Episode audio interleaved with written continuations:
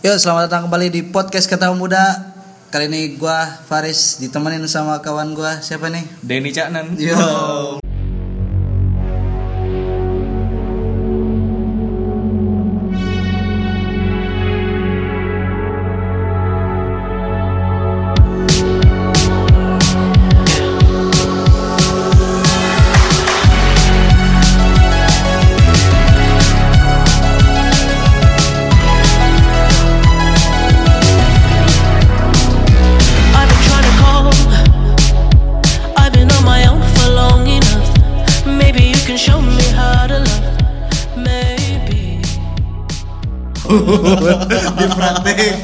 Praktek gitu ya. Padahal kurang tadi.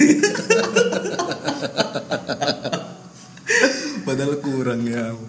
Serius lu siapa ya, Kak? Eh, Akbar, Akbar. Oke, temen gua Akbar. Akbar Caknan. Akbar. Ini kita rekaman nih walaupun lagi keadaannya ini ya PSBB apa sih PPKM ya di Jogja itu PPKM, PPKM. Jadi pembatasan mobilitas untuk mengakhiri semua kegiatan di jam Jam 7 7 malam. malam, Dan ya, ini udah 7 mepet-mepet ya, udah mulai petang gitu kan. Petang, Jadi yoi. kita rekaman ini di salah satu kafe di daerah wisata. Wisata. Sebelum rekaman tadi kita makan dulu ya, Kabar? Kita makan nasi orak arik dan kita cukup surprise sama harganya.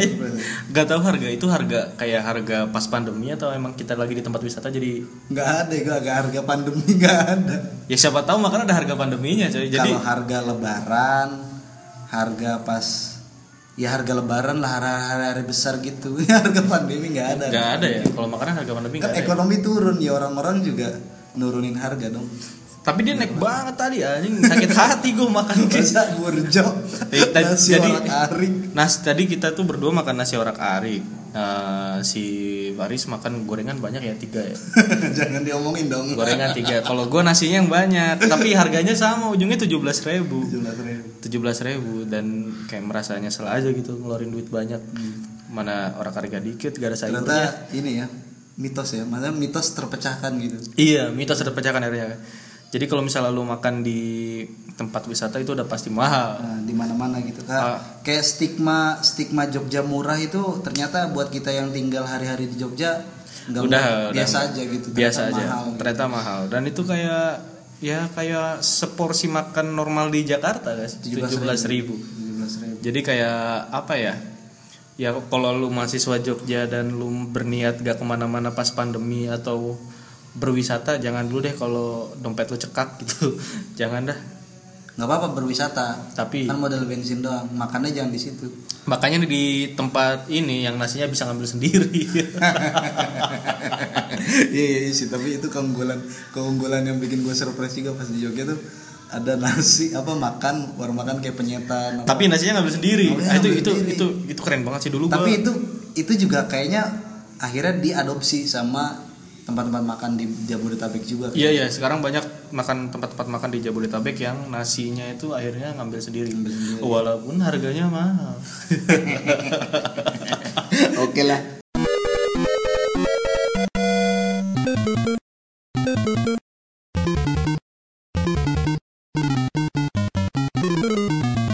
Episode kali ini kita pengen bahas apa nih yang yang kejadian yang Kejadian-kejadian baru-barunya. yang baru-baru ini ya.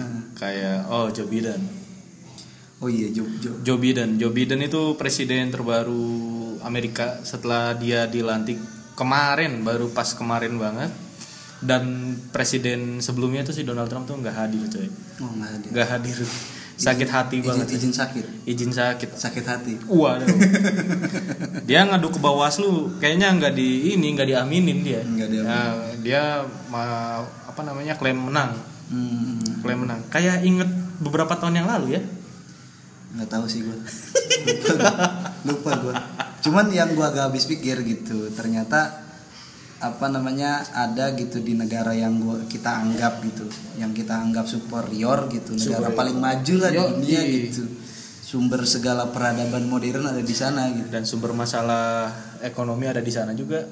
mungkin gue nggak tahu tapi ternyata gitu ada ada sekelompok bopung-bopung yang gak terima hasil pemilu gitu Ih, Lu jelasin dulu bopung itu apa sih? Bob bopung masa nggak tahu sih bocah kampung Iya.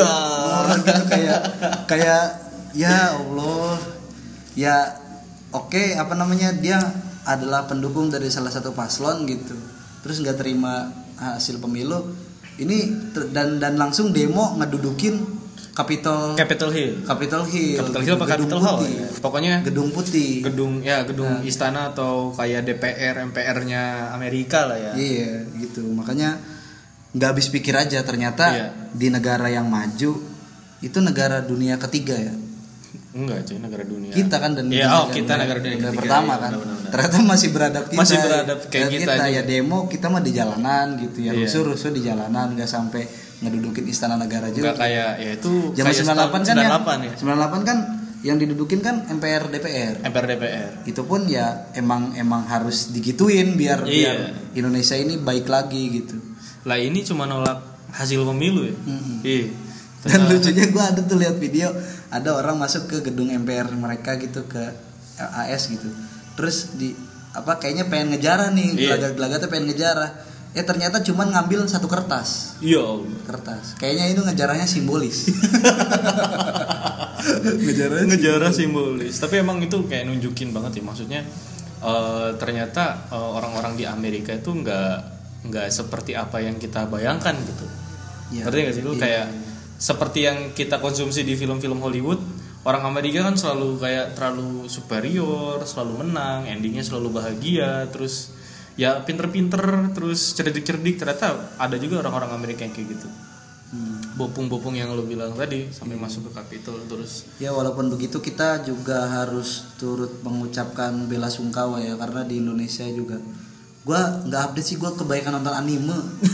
Iya ini kebaikan nonton anime. Gue kebanyakan gue kebanyakan main Twitter isinya bencana semua. Nah itu makanya pas gua lihat timeline gua kan btw gua udah tiga bulan ini.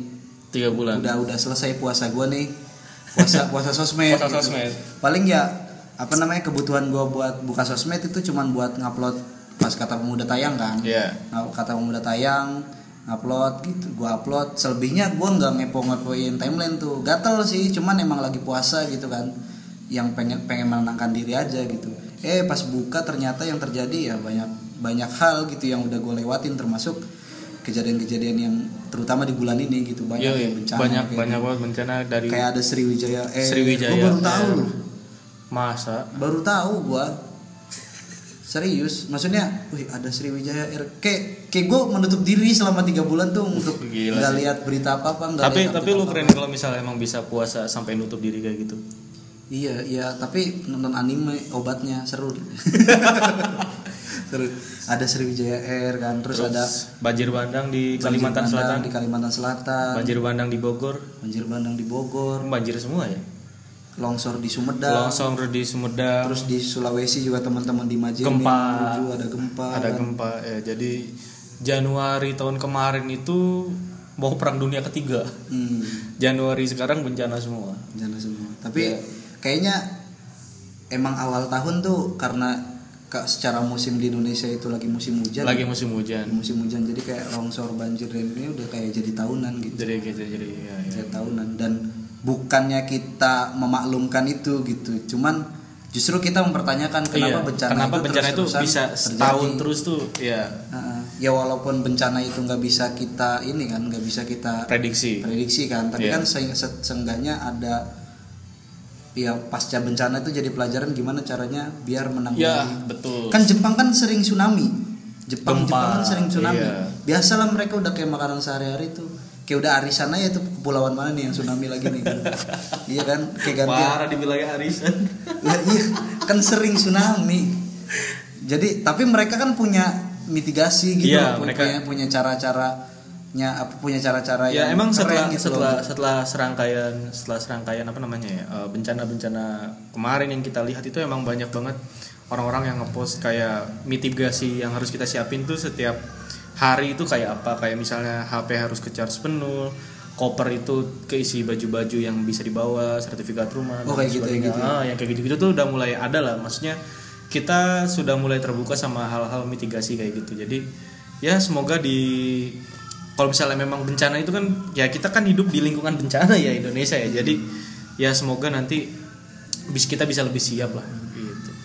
Terus Ya, apa ya Riz? tapi seenggaknya masih mending gitu loh. Bencana itu justru walaupun pedih walaupun pahit justru memberikan banyak pelajaran buat kita ya semakin semakin apa namanya semakin terus-terusan membuat kita ingat gitu untuk bersolidaritas buat Iya. apa kan teman-teman gue lihat teman-teman di Jogja juga anak UKM tuh Ya, anak-anak UKM, anak-anak pada oh, dana, kan. apa organisasi daerah sudah mulai turun ke jalan. jadi ada solidaritas yang tetap terjaga gitu Siap. loh pada sesama orang Indonesia gitu jangan seperti ya daripada yang terjadi di negara dunia ketiga kan Waduh. ya kan nggak terima hasil pemilu Enggak terima hasil pemilu. bopung-bopung gitu. Bopung-bopung.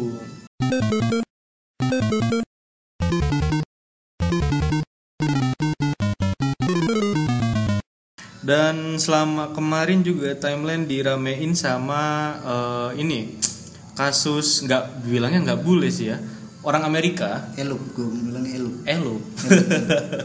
orang orang Amerika, orang Amerika Serikat yang pindah ke Bali ya, bisa dibilang pindah ke Bali dan bikin thread, bikin tweet, bikin tweet soal kepindahan dia ke Bali dan bagaimana cara dia eh, mengagumi Bali dan mengagumi kemurahan biaya hidup di Bali.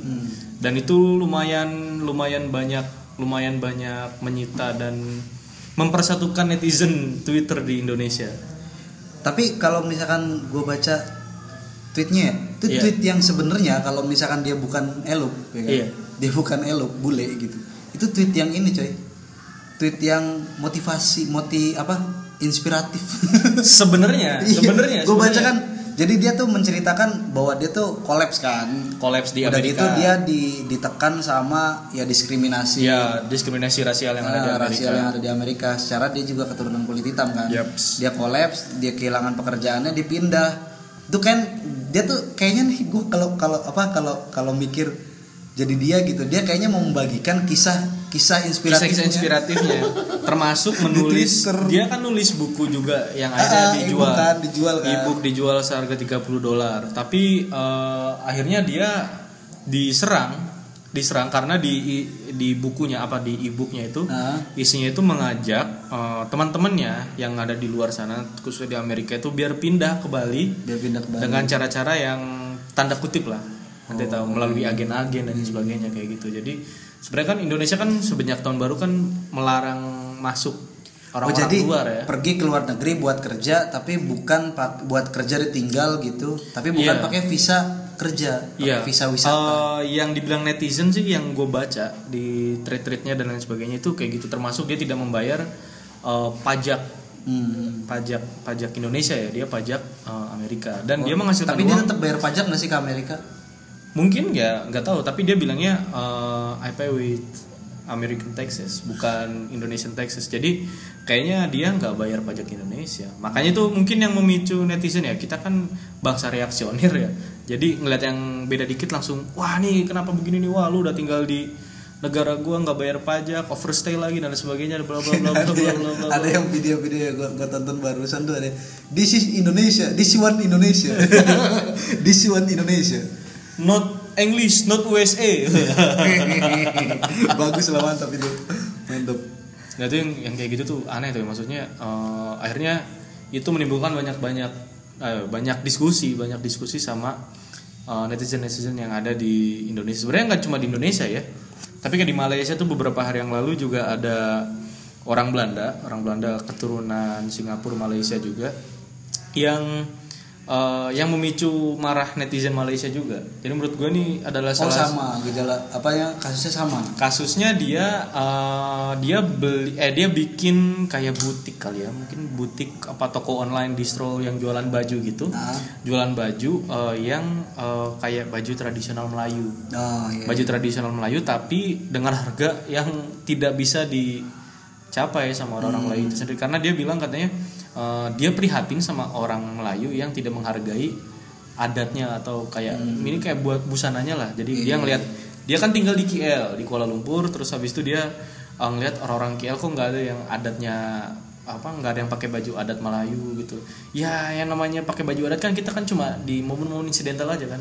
Iya, iya. kayak apa ya hari raya Enggak, gua kira Kayak harus gitu-gitu. harus sehari-hari tuh pakai batik gitu. ya ya harus pakai ya mungkin pemikirannya kayak gitu kebaya. mungkin mungkin menurut dia menurut dia eh, orang-orang Melayu nggak bisa apa nggak bisa atau nggak menghargai lagi budayanya sendiri padahal kan budaya itu kan ngalir di darah kita coy. Nah, budaya ah jadi itu nggak harus tiap ke mana-mana harus pakai belangkon. Oh, oh, nggak nggak harus ke mana-mana pakai baju hitam-hitam juga kayak suku Baduy Kayak- gitu gitu kan Kecuali emang kita mau tinggal di suku Baduy. wah itu Emang beda udah- lagi Emang udah dress kodenya. dress code-nya emang kayak gitu cuma kan ya kalau kayak gitu kan budaya kan ngalir jadi akhirnya gue melihat melihat kesamaan orang-orang Malaysia dan Indonesia ini mulai muak sama sama kondisi-kondisi mereka yang apa ya kondisi white privilege Iya.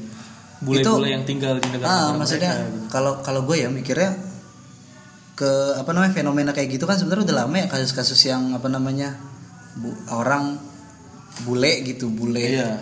elup-elup itu kan ke ke sini kan terus bikin masalah gitu kan udah udah udah jadi satu dari sekian permasalahan. Iya. ini permasalahan si apa namanya siapa sih namanya? Kristen Grey. Kristen Grey. Kristen Grey. Kalau gue Islam Grey. Wow.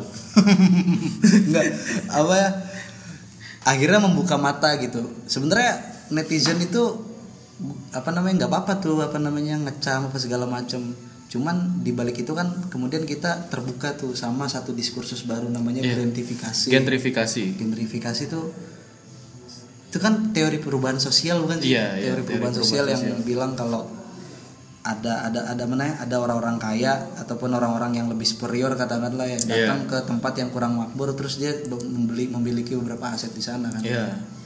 Itu juga masuk ya diskursus-diskursus kayak gitu juga akhirnya banyak dibahas ya sama apa namanya sama orang-orang atau sama netizen khususnya.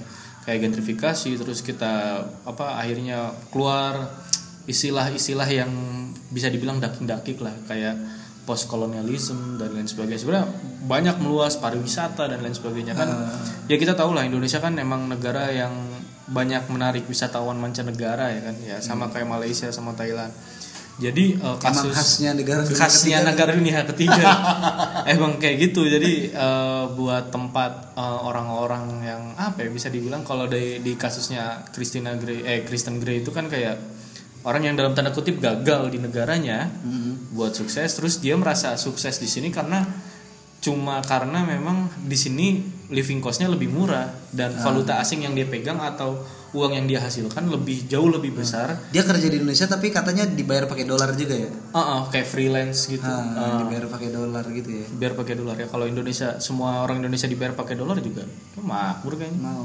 Makmur. Mau banget Iya maksudnya dia bisa hidup kaya gitu derajat hidupnya tiba-tiba naik gitu dari yang awalnya terpuruk gitu di tengah-tengah masyarakat gitu yang UMR-nya itu cuma 2,5 itu Bali dong Bali 2,5 gila cuma 2,5 2,8 kalau nggak salah ya. Ya. Iya segitu. Maksudnya dia akhirnya kaya di tengah-tengah ya lingkungan yang yang Yang kayak gitu. terbatas banget Yang gitu terbatas secara banget. penghasilan gitu. Terbatas secara penghasilan. Dan netizen juga marah sama dia ya sama yang eh, WNA yang ada di Bali itu tadi karena sepanjang apa masa pandemi Covid ini juga dia apa namanya sering kumpul-kumpul tanpa protokol kesehatan. Padahal Bali sendiri ya lu tahu kita kalau misalnya sekarang mau ke Bali harus kayak kemarin tahun baru kan Iya, iya, harus iya. antigen Iya, iya, benar, ribet banget administrasinya. Sedangkan dia sendiri di Bali hangout sama teman-temannya terus itu kayak apa? itu di Bali yang ketat ya? Itu di Bali yang ketat apalagi dia di datang Labuan Bajo enggak? Gue gak tahu. Kan kemarin banyak pokoknya sebelum gue puasa sosmed gue tuh nontonin baik tuh artis-artis ke Labuan Bajo. Oh gitu. Apa jangan-jangan gak ada administrasinya ya? enggak sih Gus Dusun gue sih dia mereka pindah rumahnya di Oh. sana jadi kan posisinya posisinya enggak ini enggak mobile gitu emang pindah aja Iya. Tapi yang ini kayak kan di Bali kan yang nggak patuh sama protokol kesehatan kayak nggak pakai masker itu kan harus denda tuh. Ah, ah, ah. Yang lo tau kan ini dendanya cuma mungkin bukan cuma sih buat kita mahal ya 200 ribu misalnya. 200 ya buat mereka kan cuma sekian eh, belasan dolar ya. Cuma Ah. belasan dolar ya mungkin bagi mereka ya ya udah gitu bayar aja ada yang langsung bayar gitu gue baca gue baca device pengakuan salah satu satpol pp itu pas lagi pengen ngebubarin sekelompok ya? elup di pantai gitu. Iya. terus juga dikasih tahu bahwa anda Mister anda melanggar gitu. Mister anda melanggar Denda? dikena denda berapa gitu dua ribu nih di waduh langsung aja dari tempat kayak itu lu, lu jadi nggak piket di kelas lu zaman iya, iya. dulu apa namanya nggak piket di kelas terus disuruh bayar uang kas berapa kali lipat Iya, didenda sama bendahara. Bendahara. karena lu anak orang kaya langsung dikasih nih ntar gue nggak piket lagi ya minggu depan sih Iya, anjing. Padahal poin yang poin yang disampaikan sama Satpol PP itu bukan itu ya. Ah, bukan iya, tapi ya protokol kesehatan. kadang-kadang juga ada yang katanya didendanya apa didendanya dengan hukuman sosial, gitu Sosial. kayak bersih bersih apa segala Iya. macam cuma bersih ber- mereka ngerjain itu sambil hehehe ketawa ketawa jadi membuat petugas-petugas tersinggung Ya, tersinggung, Merasa diremehkan. mangkel, diremehkan, iya. Jadi ya jadi ya menurut gua ya bule-bule yang atau elup-elup ini kata gua emang udah ngeresahin sebenarnya. Sudah meresahkan terutama di mana di kayak di Bali ya, kayak di Bali. Jogja juga banyak kan Ya Jogja nggak bule, orang Jakarta. kita berarti. Orang Jakarta itu kalau di Jogja itu, kalau misalnya dia bawa mobil, kalau kayak kemarin tahun baru, Nah, yang namanya plat B itu ugal-ugalan sumpah. iya Sumpah. Pokoknya kalau lu kalau lu mahasiswa Jogja terus lagi ada liburan panjang gitu udah lu mending lu di, diem aja di rumah pokoknya. eh nggak apa-apa ke Jogja Ya, tapi kalau ke Jogja nggak apa-apa. nggak apa-apa Nggak apa-apa. Cuma ya ya Cuman jangan mitos kalau Jogja itu murah mitos. Jogja itu murah mitos kayak nasi orak arik 17.000 ribu tapi sumpah gue kemarin pas liburan panjang itu sempat keluar sempat Ah. keluar terus kayak uh, ngunjungin ada beberapa sendang sendang entah di Melati Sleman sama di Kaliurang Ah. Kaliurang itu Sendang, bawa sendang tuh semacam apa? sendang tuh kayak apa ya sumber air Oh. sumber air alami gitu Mata air. mata air ya terus habis itu setelah sana itu kan gue balik kan itu kan balik pas sore Nah. sore kan wisatawan keluar semua tuh ya yang platnya B yang platnya pokoknya bukan plat AB itu wah gila emang nggak ngasih sen main ngambil kanan kiri ugal-ugalan lah pokoknya Iya. itu pengalaman kayaknya selama gue jadi mahasiswa di Jogja sering banget tuh kalau udah plat apa nih pasti plat B nah gitu Hmm. Iya. Tapi kalau misalkan kita tarik nih ya ke diskursus yang ada gitu, gue sih lebih ngelihat ke mindset masyarakat tiap-tiap masyarakat gitu. Iya. Kadang-kadang kita kan makanya apa? Kadang-kadang tuh melihat ada satu mindset yang memandang bahwa orang-orang kayak elup-elup itu dari negara dunia yang kita anggap lebih maju, Iya. juga orang-orang itu dianggapnya lebih istimewa. Akhirnya kan ada istilah privilege white privilege white pri- white privilege itu Iya. privilege buat orang-orang bule ataupun Bule. orang asing gitu kan orang-orang asing tapi gue nggak setuju sih kalau privilege itu di mindset privilege itu buat orang-orang barat doang katakanlah iya gue juga nggak setuju orang-orang asing yang asal negaranya itu kayaknya lebih maju dari dari Indonesia gitu. Itu kayak kayak dipandang punya hak keistimewaan lebih gitu. Hmm. Lebih, iya. lebih apalagi dia secara ekonomi gitu negaranya punya keunggulan gitu dibanding Indonesia. Akhirnya nilai mata uangnya lebih tinggi. Wah udah lah tambah ugal-ugalan kan. Udah mah dipandangnya mulia gitu kan dipandangnya Iya. mulia gitu. Lebih keren gitu. Udah mah dipandangnya kayak gitu terus dia punya uang yang kalau ditukerin ke rupiah harganya gitu, lebih tinggi. Harganya lebih tinggi kaya gitu, ugal-ugalan. makin ugal-ugalan Makin gitu. ugalan. ya itu kan di, di sektor perekonomian ya. Maksudnya uh, kalau soal valuta asing kan ya emang rupiah kita jelek banget gitu. Maksudnya kalau dibandingin sama USD kan sekarang kayak 14.000 ribu gitu. 100 dolar dia punya 100 dolar di sini bisa wih bisa foya-foya dia di sini 100 dolar. Nah itu gara-gara itu mungkin mereka merasa mungkin dia juga merasa kaya karena di sini murah dan kita juga merasa wih dolar nih. Dolar nih. Ya mungkin mungkin kayak gitu gitu. Jadi ya mereka mau ugal-ugalan ya kita juga eh, sebagai penduduk yang asli misalnya ya kayak oh ya udah dah nggak apa-apa yang penting gue dapet dolar. Nah yang kayak gitu gitu gue penting gue dapet duit. Nah akhirnya white privilege itu yang bikin bule-bule bertindak semena-mena kayak tadi kayak bilang lu apa pas didenda habis itu dihukum segala macam kan akhirnya nggak ngehargain petugas atau istilahnya masyarakat lokal di sana gitu. Makanya dari situ kan akhirnya ngajarin kita bahwa ya lo nggak usah punya mindset mandang orang orang mereka itu loh. Dari negara yang lebih maju itu ya lebih mulia lah katakanlah dari Iya. kita. Ya biasa aja gitu sama-sama orang gitu. Sama-sama orang ya sama-sama. Apalagi nih ya kan ngeselinnya mereka itu datang ke sini tuh bukan cuman buat wisata gitu loh tapi tinggal Buat lebih lama beneran karena tinggal. emang dasarnya dia orang gagal gitu kan.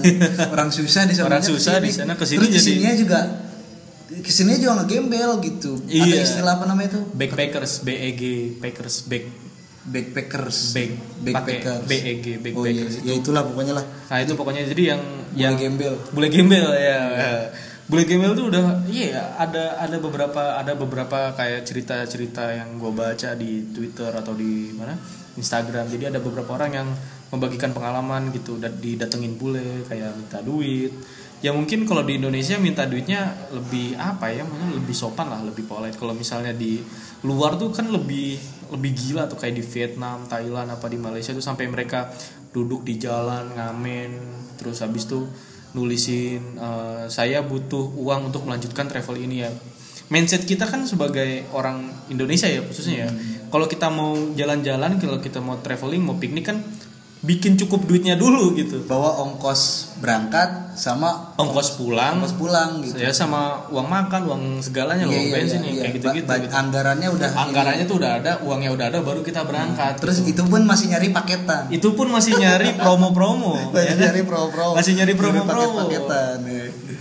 tapi, tapi ada kalau ya mereka- yang lo bilang bule gembel nih ada kayak kemarin gue baca kayak ada yang sampai ngejual HP-nya 900 ribu padahal HP-nya harganya mungkin kurang dari itu.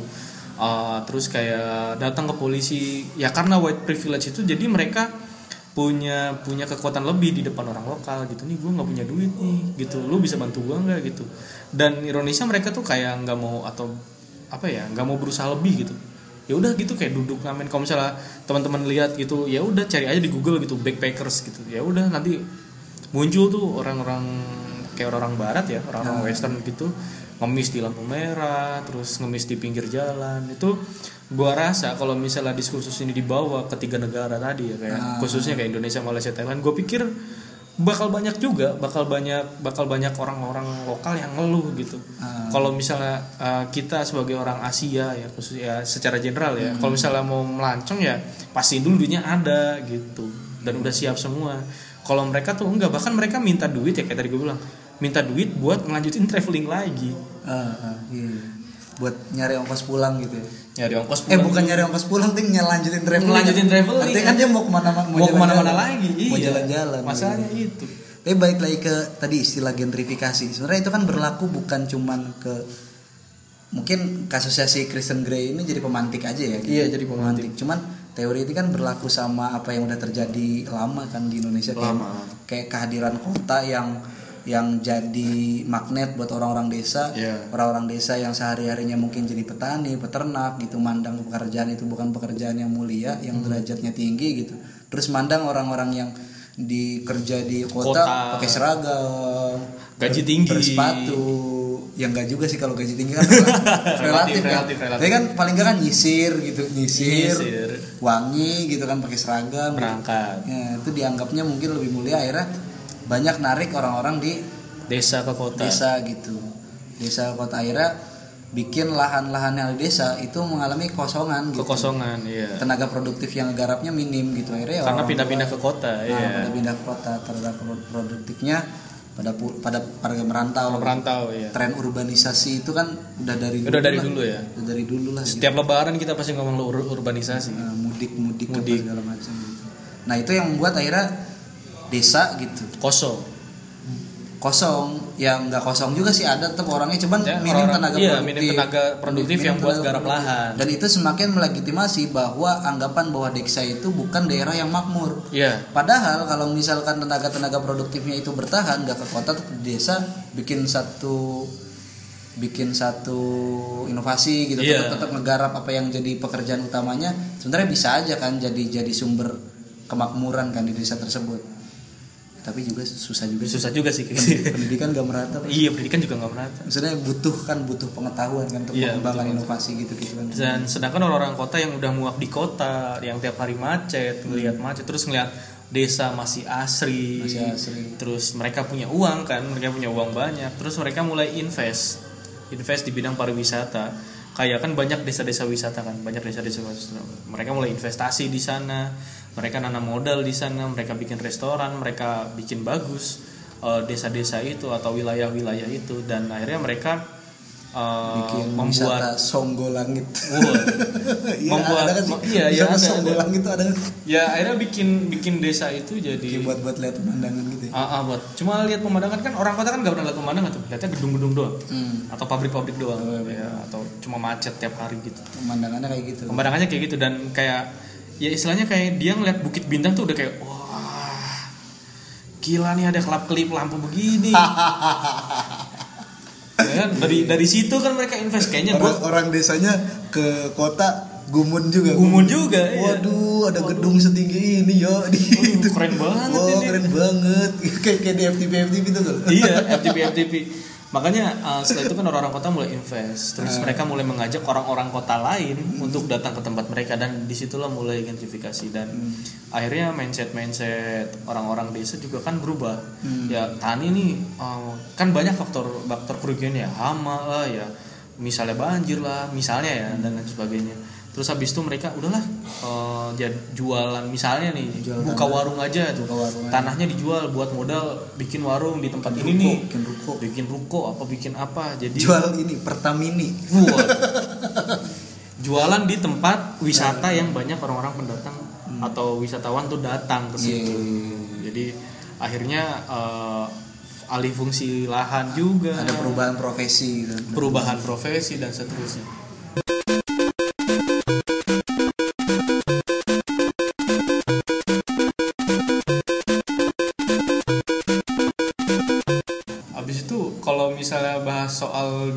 sekarang pemerintah kan banyak tuh kayak malah justru mendorong desa wisata tau nggak? iya iya, Ya iya. kan banyak kan desa-desa wisata gitu. Sebenarnya yang jadi sebenarnya kayak tren gitu ya apalagi kayak tren gitu desa wisata apa gitu. Padahal sebenarnya kalau misalnya emang desanya nggak spesial spesial banget ya udah gitu. Akhirnya kan kita ketemu eh, model-model wisata yang cuma buat selfie ngerti nggak lu? ah, tiba-tiba nggak ada esensinya tiba-tiba kok ada ada lambang lo Ada lambang lo, lambang hati gitu Ada- apa tiba-tiba ya ini sih terserah ya. Maksudnya ini mungkin inovasi juga atau Eh. gimana ya. Tapi kan eh, akhirnya identitas identitas desa itu sendiri kan hilang tiba-tiba ada menara Paris Eiffel. Tiba-tiba ada kincir angin. Kincir angin. Kok tiba-tiba Aneh ada banget ya? kok tiba-tiba ada bunga plastik? Aneh banget ya? Aneh banget dah itu kejadian men. Di di di Kerawang ya di tempat gue tuh ada. Iya, iya, gue iya. kira tuh itu bunga asli. Pas gue pegang bunga plastik coy. Oh di Kerawang. Di Kerawang. Dan itu banyak banget orang yang datang buat selfie selfie kayak gitu. Gue lupa nama nama tempatnya apa karena Iya, gue iya, cuma iya. sekali doang ke sana nah, menurut gue yang kayak gitu loh. Maksudnya se sebegitunya mereka ingin mengundang wisatawan buat datang dan ngeraup keuntungan dari situ gitu. ya kan mindset yang dipakai akhirnya ya udahlah gue tinggalin profesi gue sebelumnya kayak tadi petan- petani peternak. Ya udah gue garap wisata aja gitu. Garap wisata.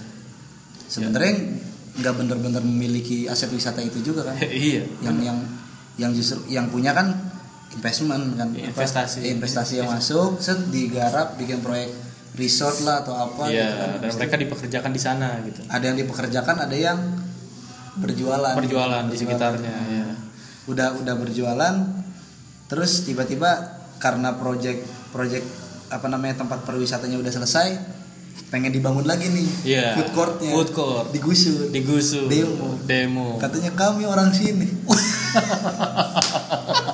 aneh banget ya. Itu kalau udah ngomong kami orang sini tuh udah aduh kayak apa ya? Aneh kayak banget. aneh banget kayak. Jadi apa ya? Ya akhirnya jadi kayak gitu sebenarnya dari dia dari advokasi sama kawan-kawan. Wah. Dia advokasi sama kawan-kawan. Sama kawan-kawan. Abis- tolak, abis itu tolak kan? ini tolak tolak. penggusuran. Tolak angin. Padahal yang padahal yang menggerakkan itu kan sebenarnya investasi atau modal yang iya, masuk iya. modal yang masuk sebenarnya bisa menggerakkan menggerakkan secara keseluruhan desa wisata tapi sebenarnya jangan sampai menghilangkan identitas aja sebenarnya identitas misalnya kayak gitu ya identitas Hmm. dan dan nggak terlalu masif gitu akhirnya kan yang tadi yang tadi gue bilang itu apa namanya market market as opportunity atau Ah. market as apa ya? Teorinya kan gitu kan Teorinya gitu loh. market as opportunity ma- apa namanya pasar sebagai peluang. Peluang ya. Peluang bagi orang-orang itu kan teorinya ya. Ah. teori teorinya kan market as opportunity. Jadi pasar itu eh, apa investasi dan pasar itu sebagai kesempatan buat orang-orang untuk menaikkan taraf hidupnya. Untuk taraf hidupnya gitu. Tapi yang terjadi mumpung kan- ada modal masuk mumpung ada modal masuk, nih buat muter lagi nih. Muter lagi garap lagi sampai eh, sampai uangnya itu banyak misalnya. Tapi akhirnya kan eh, apa namanya i- implementasinya. Implementasinya itu jadi pasar itu jadi masalah. Pasar itu jadi masalah. Ya masalahnya kayak tadi. Gentrifikasi dan apa namanya mindset white privilege sampai white privilege. Terus habis itu kita belum ngomong apa namanya pendapatan orang daerah gitu dan sebagainya. Ya itu akhirnya jadi permasalahan lagi. Alih apa guna alih alih lahan misalnya. Kayak gitu gitu kan udah mulai. Makanya gue respect sih sama Jering nih Jering kan Iya. tuh lumayan sebel tuh sama bule-bule yang kalau dan ternyata setelah pokoknya dari dari kasus itu tuh membuat gua apa khususnya itu jadi kayak lebih nyari tahu gitu loh bule-bule apa namanya so, isu ini gitu. Ternyata yang gue dapetin ya ter- itu udah banyak terjadi gitu di kota-kota wisata kayak Bali Jogja. terus di mana-mana gitu. Kelakuan wisatawan asing gitu yang yang seenaknya gitu nggak nggak nggak sesuai dengan nggak sesuai dengan aturan yang ada apalagi lagi covid gitu Iya. itu banyak yang melanggar gitu-gitu Nah itu itu jadi jadi apa ya? Jadi komplimen atau jadi ya kesimpulan buat orang-orang kayak kita nih ya. Kalau lu kan udah ngeliat dari dulu. Kalau gue tuh baru bener-bener ngelihat masalah itu secara utuh tuh baru pas kemarin, pas gara-gara Christina Grey, eh Christina Kristen Grey. Dan ini tuh Sama. jadi jadi apa sih? Jadi jadi kayak kasus pembuka gak sih harusnya tuh? Kristen Grey ini jadi kasus pembuka bahwa banyak kok bule-bule yang di Indonesia tuh yang overstay, yang pakai visa liburan tapi padahal kerja dan lain sebagainya kayak gitu gitu. orang Indonesia juga banyak sebenarnya ya, ya lebih banyak sih sebenarnya. Iya, orang Indonesia juga banyak Da- dan itu menunjukkan ya cara yang nggak fair juga sih walaupun fair. tetap ada effortnya tapi ada ada sesuatu yang nggak fair buat di Iya, buat dijalani dijalanin gitu. Iya. udah gitu dia ngeleng ngelangkahin banyak orang gitu loh kayak tadi gue ngomong dia hidup mewah gitu di tengah masyarakat yang UMR itu 2,5 doang 2,5 doang. Ya, tapi ini sih kasus itu menurut gua jadi pantikan buat kita ngelihat lebih luas lagi gitu. Iya. Kalau misalkan dia nih si Kristen Grey ini dia berasal dari negara yang mungkin ekonominya kuat, jadi bak- apa dolar yang yang mengubah Iya. dia gitu kan. Dolar yang mengubah dia. Ada juga nih orang-orang ya elup-elup gitu Eluf-eluf. yang modalnya mungkin secara mata uang yang dia bawa pas ditukerin ke rupiah biasa aja gitu nggak Iya. terlalu mahal-mahal banget tapi dia punya mindset tersendiri di masyarakat kita yang yang punya apa yang yang bermayoritas kan suka gitu dengan fasih dengan Oh, apa, seperti apa? Java gitu kemudian dia datang ke daerah yang dingin dari negerinya yang panas Dengan dengan dingin, membangun villa eh membangun menyewa villa menyewa villa dan menyewa kembang desa Wow. ah itu itu apa? Orang-orang itu yang kawin kontrak itu ya. iya kan itu kan juga kan elup kan maksudnya Iya. orang WNA kan yang datang ke Indonesia entah mau ngapain kan liburan atau apa kan tapi kan berbulan-bulan sampai dia cari pasangan gitu loh cari Iya, pasangan cari orang pasangan lokal orang dan lokal. pasangannya temporer gitu loh bukan pasangan sehidup semati Si pasangan tempo. iya kan pasangan temporer kawin kontrak gitu Kawin kan kontrak temporer. itu kan yang akhirnya juga ya masuk gentrifikasi gue nggak tahu sih gue nggak nggak ini cuman fenomena Dari fenomena itu ya? nah, fenomena Ah, itu bisa relevan gak disamain sama fenomena yang terjadi Si di Kristen Bali Grey. Kristen Grey dan bule-bule yang ber, yang yang lain gitu. yang apa sih apa sih Apa? Tengil. Tengil. Bobong-bobong. ini kayaknya kayaknya ya kayaknya tuh bobong-bobong yang habis kerusuhan Di Capitol. Kapit Capitol tuh capek ke mana dia liburan, ke liburan Bali. ke Bali aja lah. ya udah Tapi sumpah sih itu itu dari dulu banget gak sih malah kayak ngakar banget sih orang Arab yang ke puncak Bogor itu kayak dari dulu terus sampai apa namanya punya anak Ah. Nah, banyak anak Arab kan di sana sebagian besar kan nganggepnya ulama kan sebagian besar nganggepnya dia itu ulama orang tahu agama gitu syekh makanya manggilnya syekh atau atau segala macam atau gitu. dia itu pengusaha gitu. Nah, pengusaha kalau yang beneran saya sih gue udah pernah lihat karena dulu salah satu guru gue juga ya Hmm. apa namanya katakanlah imigran gitu loh imigran tanda dari, kutip ya. dari dari Dari negara negaranya. dari negaranya terus datang ke sini cuman memang niatnya pure buat berdakwah gitu Hmm. cuman karena rasnya sama kita nggak bisa ngebedain nih pakai baju juga pakai gamis juga sama gitu kan Waduh. nggak tahu kita susah ngebedain mana yang yang bacaan Qurannya fasih gitu sama Mana yang mana enggak. yang Belum- aja belum sinkro. Iya, jangan-jangan. Arabnya Arab Kristen gitu kita nggak tahu tapi pakai gamis juga kan kita nggak tahu Ya kan gamis kan budaya sana. Iya. Iya. Tapi tapi ini nggak Riz waktu kalau di tempat lu sendiri lu ngelihat lu sebagai orang yang ini ya yang tinggal di suburban, tinggal di Hmm. suburban lu merasakan proses gentrifikasi nggak? banget banget Banget. banget kayak kayak gue kan pernah cerita kan kayak bokap gue tuh nyuruh gue kalau misalkan kerja gitu nyaranin ya gitu mending gak usah ke Jakarta gitu Tapi tetap di mana? Subang. tetap tetap di Subang di Jawa Subang. Barat aja gitu di Subang aja nggak usah ke nggak usah ke Jakarta gitu nggak usah ke Jakarta kenapa karena dia kata kata kata bokap gue ini nanti bakal industri gitu kota ini bakal bakal ekspansi gitu ke daerah-daerah kayak kan terbukti kan sekarang Iya. pusat industri udah bukan di Pulau Gadung lagi kan udah Iya. ke Karawang kan Karawang, sekarang Subang. iya, Karawang Subang kan gitu Apa namanya? eh, pelabuhan apa namanya? Yang di Pelabuhan Subang? Patimban. Pelabuhan Patimban. Ada tuh, Pelabuhan iya. Patimban. Ya ada proses itu juga lu alami ya berarti ya. Eh, jadi udah udah mulai kelihatan nih Karawang nih udah mulai sesek kayak. Iya, Karawang udah mulai sesek, udah, Say. mulai ekspansi nih ngalir lagi nih dan itu alih fungsi lahan gitu orang-orang banyak mengukur tanah gitu Iya. banyak mengukur tanah banyak mengukur sawahnya buat Mulai dijual. buat jadi jadi perumahan. Nah, mulai buat buat jadi perumahan buat kayak ada mau dibangun pabrik baru dan lain sebagainya Iya, itu udah iya. mulai kelihatan Mulai tuh. banyak lagi. dan impactnya kan nanti orang-orang yang habis jual lahannya misalkan dia punya sisa lahannya cuman sekitar katakanlah 20 meteran persegi gitu Iya. paling dia bikin kos-kosan Kos-kosan ya. kos-kosan ya sama sih kita di Jogja juga kan gitu Iya, kan di Jogja juga cuman gitu. kan buat belajar Iya, kalau visabilillah Visabilillah. bukan Kalau buat berwisata kalau kalau di barat, di Jawa Barat itu buat kerja, buat kerja buat kerja. Lebih banyak profitnya. nah, jadi kita dari barat ke timur Waduh. cari kitab suci Waduh.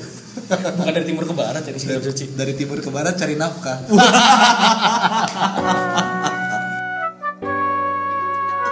Where's that shit from the Canada?